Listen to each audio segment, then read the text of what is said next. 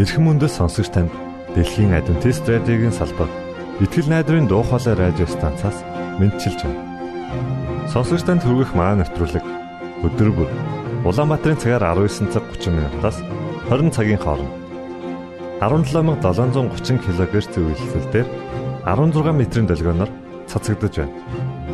Энэхүү нэвтрүүлгээр танд энэ дэлхий дээр хэрхэн аз жаргалтай амьдрах талаар зарчим болон мэдлэгийг танилцуулахдаа бид таатай байх болноо. Таныг амарч байх үед аль эсвэл ажиллаа хийж байх зур би тантай хамт байх болноо.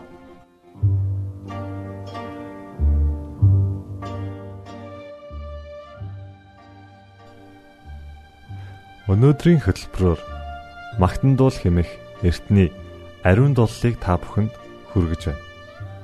Харин үүний дараа Есүс юу тохиолдсон бэ гэдэг зохиомжийг танд хүргэх болно. За ингээд та өнөөдрийн нэвтрүүлгээ сонсноо.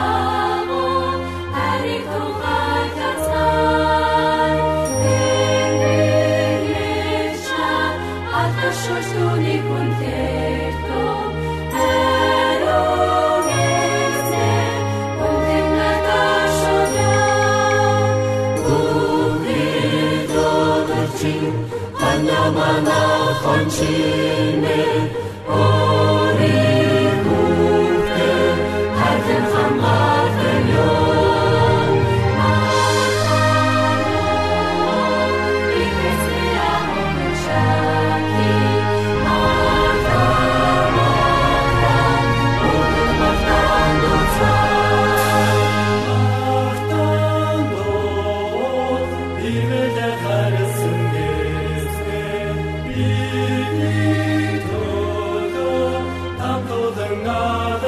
you.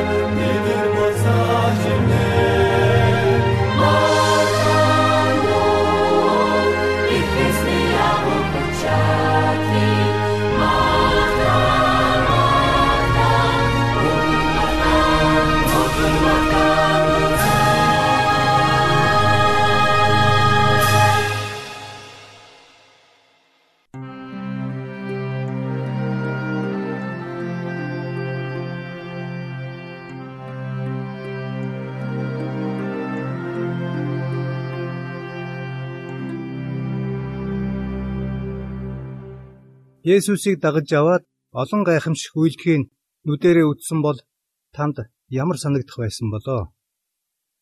Есүсийн шавнаар хүртэл багштайгаа өдөр бүр цуг байдаг байсан атлаа агуу их хүч чадал эрх мэдлээ харуулхад нь гайхан биширдэг байжээ. Марк 4:35-аас 41 дүрсэлсэн тийм нэгэн явдлыг ярилцъя. Та тэр үйл явдлыг нүдэрээ үзэж байна гэж төсөөлөөрэй.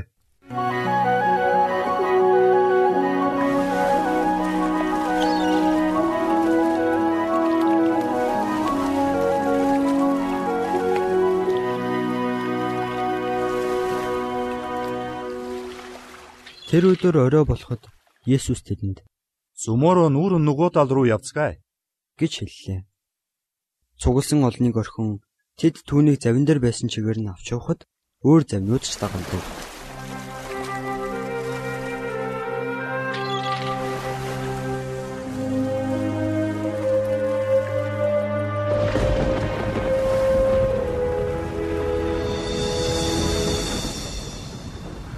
Тэнд хүчит салхи үүсэж давлгаа завийг нөмрөн ирж зав хэдийн усан давтжээ. Есүс завны хитэгт дэр дэрлээд унтаж байлаа. Шавнар нь түүнийг сэрэж "Багшаа, бидний өхөн танд хамаагүй гэж юу?" гэлээ. Есүс сэрээд салхийг буруу шааж нуурт "Чимээгүй, намд" гэж айлдав. Салхи зогсож шуурга бүр нам гүн болов. Тэр тэдэнд ингэж хэллээ. Та нар юунд ингэдлээ айн вэ? Та нарт ягд идгэл байхгүй байдаг үлээ. Тэд маш их айж бие биедээ Тэр ерөн хин юм бэ? Салхи нуур хүртэл түүнд захирагдж байдаг. гэцгээж байлаа.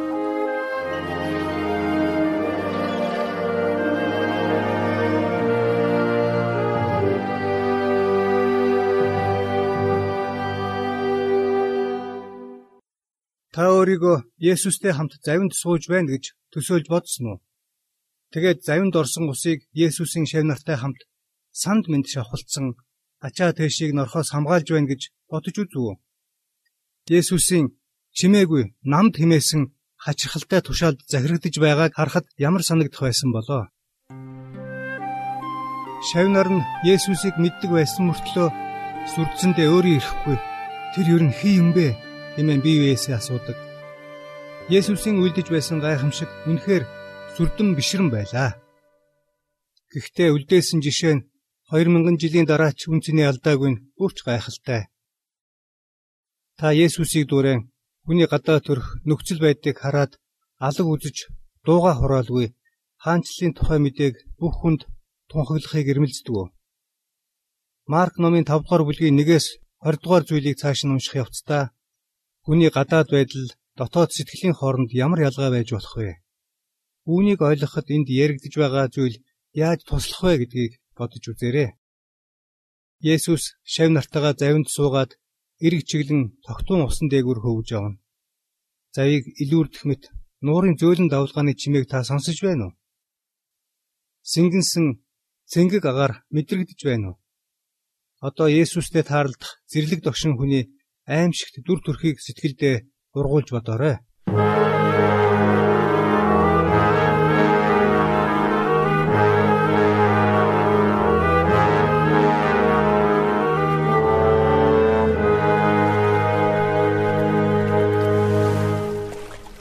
Тэд нуурын нөгөө эрэг болох Герас нутагт иржээ.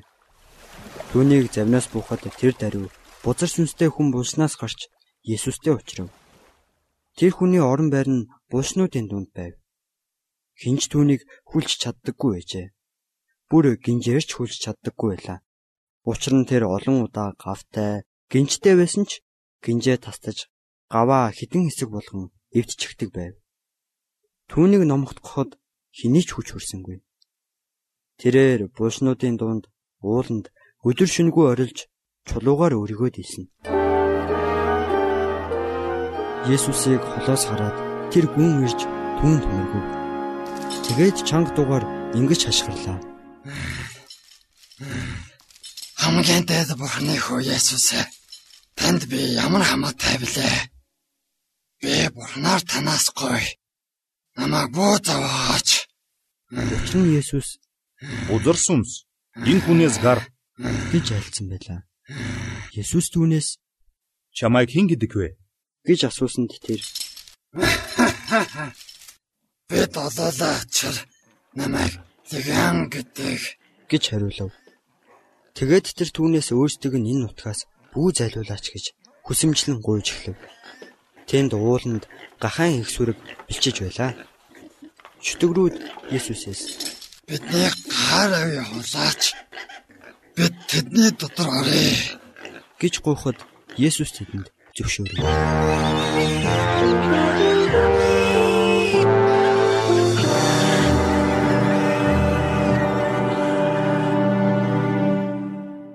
Бузар сүнснүүд хүнийг орхиж гахаануудад шүглэв. 2000 орчим гахаа их зэргээс нуур руу ухсгийж нуурт живцгээлээ. Гахаач зүхтэж үүнийг хот тосгодод мэдэгдэв. Тэгээд хүмүүс юу болсныг үзэхээр иржээ. Тэд Есүс рүү ирээд чөтгөрт легионд эзэмдүүлж байсан яг тэр хүн хувцаслсан эрүүл сарун сууж байхыг харав.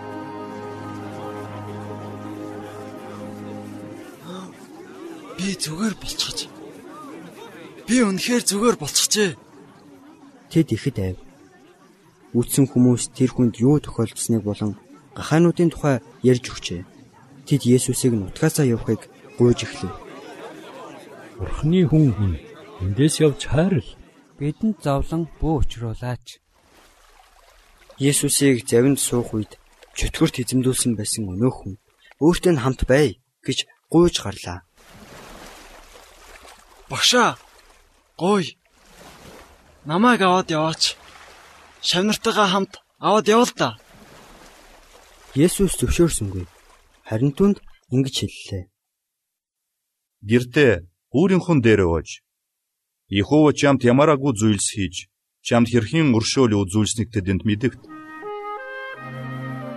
Тэр явж Есүс өөрийнх нь төлөө ямар агуу зүйлс хийж өгснийг Декаполис хэмээх газарт зарлаж эхлэв. Хүн бүр гайхаж байлаа.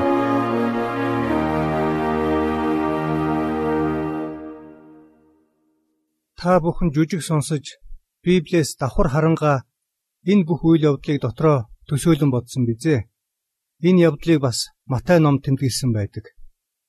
Тэнд бичснийг үзвэл чөтгөрт эзэмдүүлсэн хоёр хүний тухай гардаг. Есүс тэр хоёрын илүү аимшигтай нэгэнтэй ярьсан бололтой. Есүсийн жишээ ямар сургамжтай вэ? Мэдээж бид Есүс шиг чөтгөрүүдийг зайлуулж чадахгүй.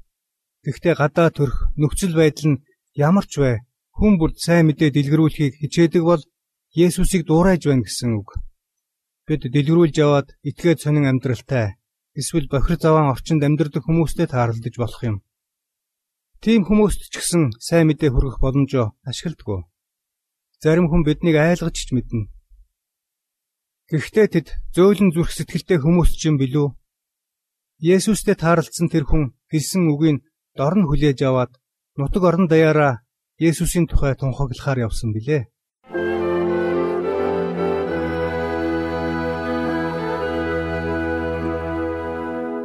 Бурхны үгийг анхааралтай уншвал өөр юу мэдэж болох вэ? Марк номын 5 дугаар бүлгийг цааш нь уншвал ирээдүйд Есүс нас барагчдыг амьлуулах цагт хүмүүс ямар их баяр хөөр болохыг улам сайн ойлгоно. Та Есүсийг дуурайн архаг өвчнөөсөө болоод гуниж гутарсан эдгэрхийн хүслэн болсон хүмүүсийг өрөвдөж, дэмжиж туслахсан гэж боддгоо. Эсвэл хэдий амаргүй байсан ч үннээ шууд хэлдэггүй. Эдгээр асуултад хариулахад тус болох санааг одоо мэдэж авцгаая. Марк 5-ын 21-ээс 43-ыг дагуулж хараарай.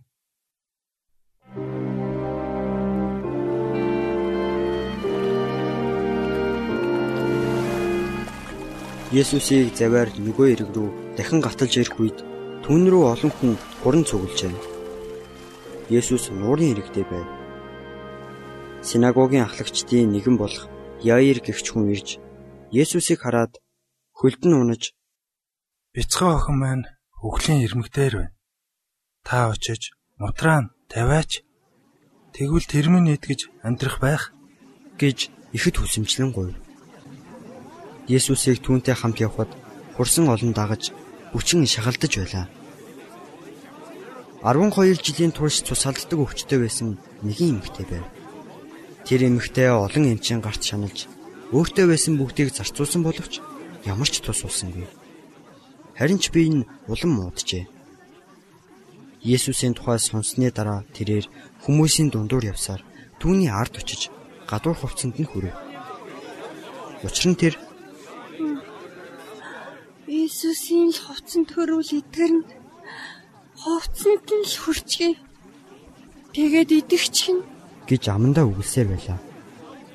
Тэр даруй түүний цус гоочхон татарч өвчнөө сосноо биеэрээ мэдрэв. Би идэгчлээ шүү дээ. Ингээд ирүүл болчихлоо. Есүс тэр даруй өөрөөс нь хүч гарсныг мэдээд олон түмэн рүү иргэн харж "Хэн миний хувцсанд хүрв?" гэж асуулаа. Шавнар нь түүнд "Усан улан таныг шахаж байгааг харал та. Тэгтэл та хэн надад хүрв?" гэх юм гэж хэлв. Есүс үүнийг үлдсэн тэр эмэгтэйг харах гэж эргэн тойрны ажиглав. Юу болсныг мэдсэн тэр эмэгтэй айж чичирсээр ирж Есүсийн өмнө өгөв. Тэгээд бүх үннийг хэлжээ. Есүс түнд "Охин минь, эдгийлчин чамайг эдгээлээ. Амар тайван явж, зовлонгоосаа ингэж рахтун" гэж хэллээ. Түүнийгийн айлдаж байтал синагогийн ахлагчийн гэрээс хүмүүс ирж "Таны охин нас барчихлаа. Багшд төг удаад яахав дээ" гэжээ. Гэвч Есүс үүнийг сонсоод синагогийн ахлагчид "Бүү ээ.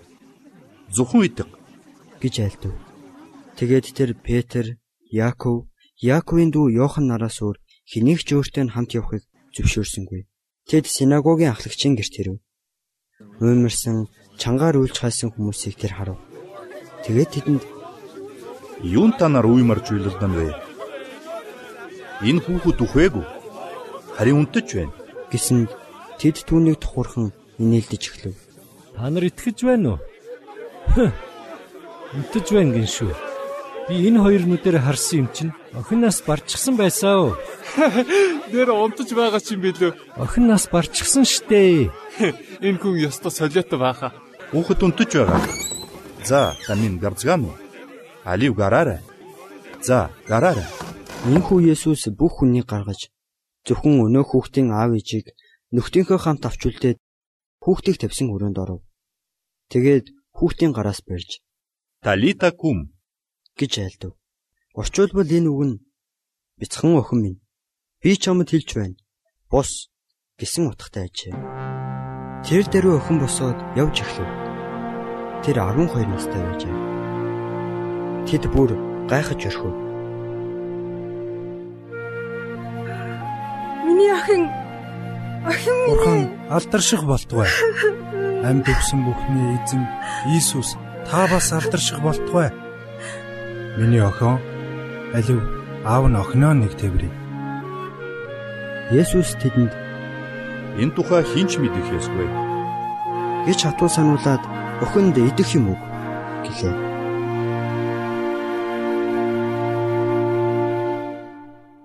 Бяцхан охины дахин амилсан түүхийг сонсоод та шинэ ертөнцид сая сая хүн амьлах цагийг үзэх юмсан гэж яарч байна уу? Үе түмэн аав ээжүүд дахин амилсан хүүхдүүдтэйгээ уулзан баярын нулимс унгаж хөөр баяр болж байгаагаар төсөөлж байна уу? Эцэг эхчүүдээ Есүс хүнд өвчнөд баригдаж шаналсан эмэгтэйтэй яаж харьцсан билээ? Энэ явдал та бүхэнд ямар сургамжтай байж болох вэ? Мосегийн хуулийн дагуу тэр эмэгтэй бузар байсан учраас Есүст зориуд хүрэхэд битгий хэл олны дунд байх эрхгүй байсан. Тэр хүүхэд нь гэрийнхээ дотоод дүрмийг зөрчүүл шийтгэхээс өмнө Есүсийг дуурайн онцгой буюу уучлж болох нөхцөлийг тооцож үзэх үү? Хүүхдүүдээ та нарт ямар сургамжтай вэ? Та нар нэг зүйлийг анзаарсан уу? Тэр эмэгтэй аргагүй ирэхээр хийсэн хэрэгээ нуух гэж оролдоогүй. Харин ч тэр даруй Есүсийн өмнө очиод бурууга хүлээж бүх үннээ хэлсэн шүү дээ. Та нар буруу хэрэг хийчихвэл аав ээждээ шударгаар бүгдийг нуулгүй хэлэх үү? Христиан ахлагчдаа та бүхэн энэ түүхээс юу ойлгосон бэ? Жишээ нь дарамт зовлонгоос болж үймэрсэн хурлынхаа гишүүнтэй харьцахдаа хэлсэн үг хийсэн үйлдэлийнх нь цаад шалтгааныг бодож үздэггүй. Есүсийг дуурайн ахуй амьдрал чин сэтгэлийн тооцож үздэггүй. Бурхны хууль зарчмыг хэрэгжүүлэхдээ уян хатан байхыг хичээдгүй. Есүс ажлаа хойш нь тавиад тэр эмэгтэйг тайвшруулах гэж сэтгэл гаргасан шүү дээ. Та нар ч бусдынхаа төлөө сэтгэл гаргадаг бизээ.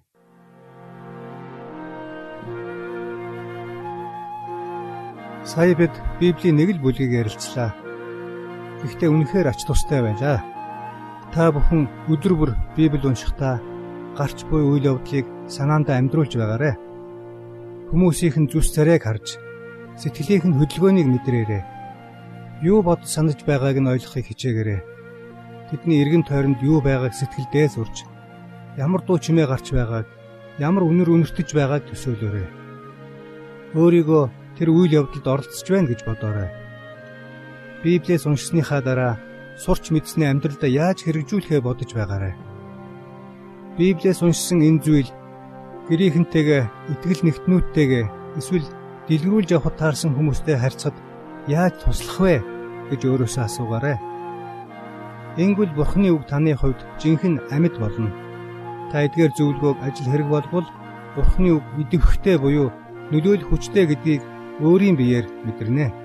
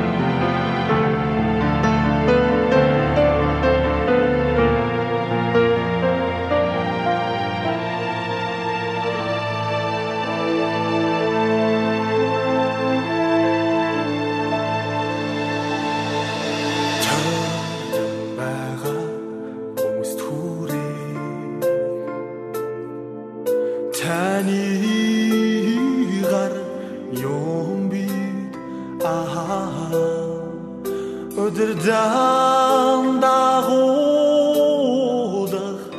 дагуу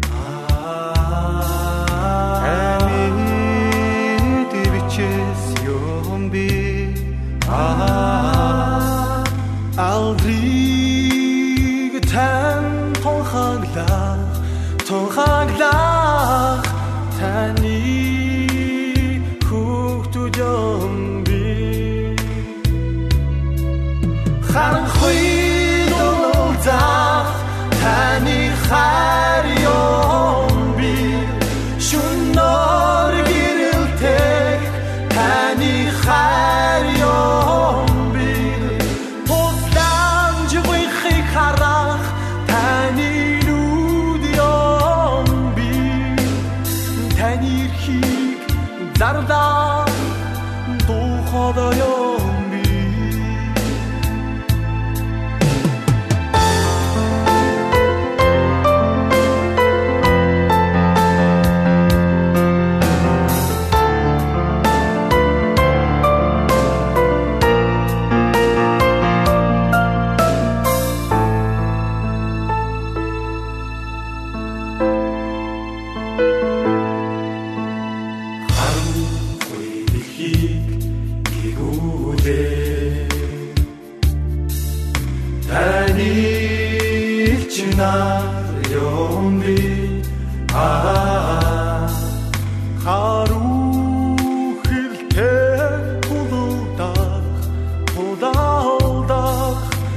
Ani tirgut yom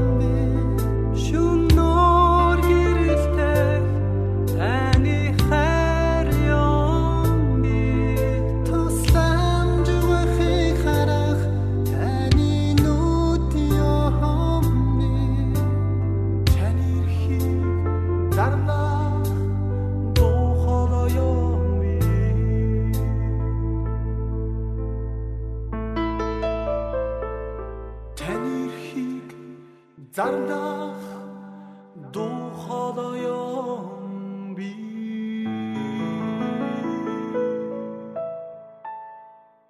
Итгэл найдрын дуу хоолой радио станцаас бэлтгэн хөрөгдөг нэвтрүүлгээ танд хүргэлээ. Хэрв та энэ өдрийн нэвтрүүлгийг сонсож амжаагүй аль эсвэл дахин сонсохыг хүсвэл бидэнтэй дараах хаягаар холбогдорой.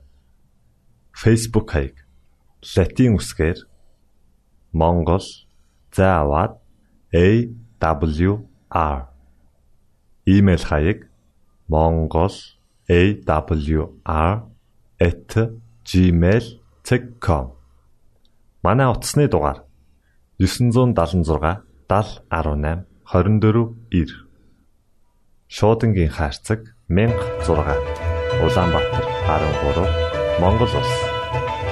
Биднийг сонгонд цаг зав аваад зориулсан танд баярлалаа. Бурхан таныг бивээх болтугай.